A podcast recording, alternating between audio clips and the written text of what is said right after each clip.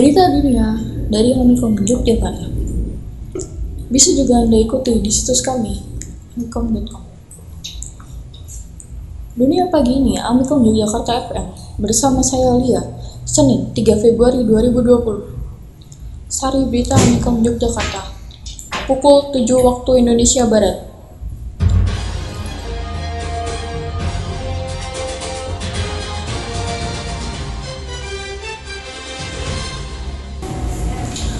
Pemerintah Indonesia melarang semua pendatangan dari Cina yang sudah berada di wilayah tersebut selama 14 hari untuk masuk dan transit di Indonesia. Lebih dari 230 warga Indonesia yang dievakuasi dari Provinsi Hubei, Cina akan mengalami proses karantina selama 14 hari di Natuna. Sementara itu, Bank Sentral Cina akan mencarikan lebih dari 170 dolar AS untuk membantu mengatasi dampak finansial dari epidemi virus corona. Inilah berita selengkapnya. Pemerintah Indonesia memutuskan untuk sementara melarang semua pendatangan dari Cina yang sudah berada di wilayah itu selama 14 hari untuk masuk dan transit di Indonesia. Larangan ini diumumkan Menteri Luar Negeri Retno Marsudi usai rapat kabinet terbatas yang dipimpin Presiden Joko Widodo di Jakarta. Keputusan ini diambil menyusul meninggalnya seorang laki-laki warga negara Cina di Filipina setelah melakukan perjalanan dari Wuhan. Ia tercatat sebagai kasus kematian pertama akibat virus corona di luar wilayah Cina.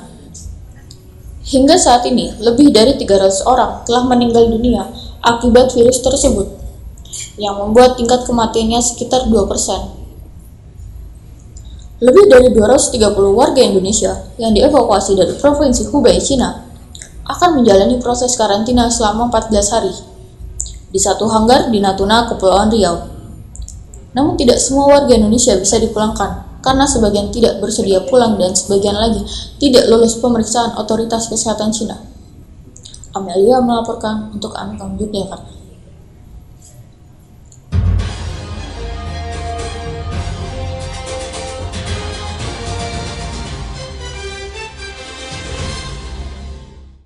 Menteri Kesehatan Terawan Agus Putranto menyebutkan ada tiga warga negara Indonesia yang gagal dievakuasi dari Provinsi Hubei karena dinyatakan tidak lolos tes kesehatan oleh pihak berwenang, kota Wuhan, dan dari bandara setempat. Merujuk pada aturan Badan Kesehatan Dunia atau WHO, otoritas Cina dilarang memberangkatkan siapa pun jika kondisinya sakit. Itu dilakukan untuk membendung penyebaran virus corona yang mematikan Menurut Sekretaris Dirjen Pencegahan dan Pengendalian Penyakit dari Kementerian Kesehatan, Ahmad Yuryanto, tiga warga Indonesia yang gagal dievakuasi itu mengalami gejala batuk dan demam di atas 37 derajat.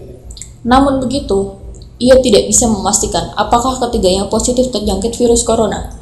Yang pasti mereka dalam pemantauan ketat KBRI di Beijing.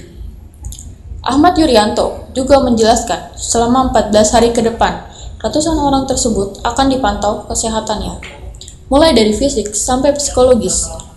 Total ada 8 spesialis dan umum yang akan mendampingi mereka selama 24 jam penuh. Jika dalam 14 hari tidak terdapat gejala sakit, maka diperbolehkan ke rumah masing-masing. Lokasi observasi tersebut berada di hanggar landasan udara Raden Sajat Natuna, Kepulauan Riau, Natuna dipilih karena dianggap memiliki fasilitas rumah sakit yang mampu menampung dengan kapasitas 300 orang. Tapi pada minggu kemarin, warga setempat melakukan aksi demo menolak kedatangan WNI dari Wuhan. Kepala Bagian Humas Pemerintahan, Kabupaten Natuna Devrizal, Pemkap Natuna, kata Devrizal, akan berusaha menenangkan warga dan membagikan masker sebagai langkah pencegahan. Laporan Amelia Nanda. Jika dalam 14 hari, terdapat gejala sakit, maka dibolehkan ke rumah masing-masing. Lokasi observasi tersebut berada di hanggar landasan udara Raden Sajat Natuna, Kepulauan Riau. Natuna dipilih karena dianggap memiliki fasilitas rumah sakit yang mampu menampung dengan kapasitas 300 orang. Tapi pada minggu kemarin, warga sempat melakukan aksi demo menolak kedatangan warga negara Indonesia dari Wuhan. Menteri Kesehatan Terawan Agus Putranto menyebut ada tiga warga negara Indonesia yang gagal dievakuasi dari Provinsi Hubei karena dinyatakan tidak lolos tes kesehatan oleh pihak berwenang kota Wuhan. dan dari bandara setempat. Merujuk pada aturan Badan Kesehatan Dunia atau WHO, otoritas Cina dilarang memberangkatkan siapa pun jika kondisinya sakit. Itu dilakukan untuk membendung penyebaran virus corona yang mematikan. Menurut Sekretaris Dirjen Pencegahan dan Pengendalian Penyakit dari Kementerian Kesehatan, Ahmad Yuryanto, tiga warga Indonesia yang gagal dievakuasi itu mengalami gejala batuk dan demam di atas 37 derajat. Namun begitu, ia tidak bisa memastikan apakah ketiganya positif terjangkit virus corona. Yang pasti mereka dalam pemantauan ketat KBRI di Beijing.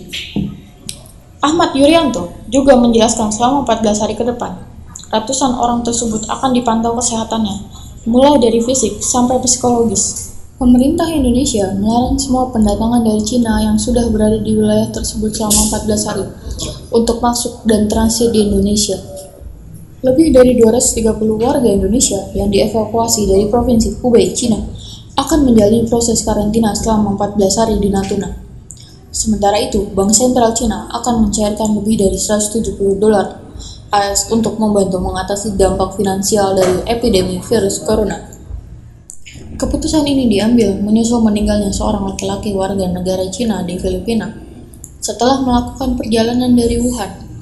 Ia tercatat sebagai kasus kematian pertama akibat virus corona di luar wilayah Cina. Hingga saat ini, lebih dari 300 orang telah meninggal dunia akibat virus tersebut, yang membuat tingkat kematiannya sekitar 2%. Lebih dari 230 warga Indonesia yang dievakuasi dari Provinsi Hubei, Cina, akan menjalani proses karantina selama 14 hari di satu hanggar di Natuna, Kepulauan Riau. Namun tidak semua warga Indonesia bisa dipulangkan karena sebagian tidak bersedia pulang dan sebagian lagi tidak lolos pemeriksaan otoritas kesehatan Cina. Amelia melaporkan untuk Amikom Jakarta.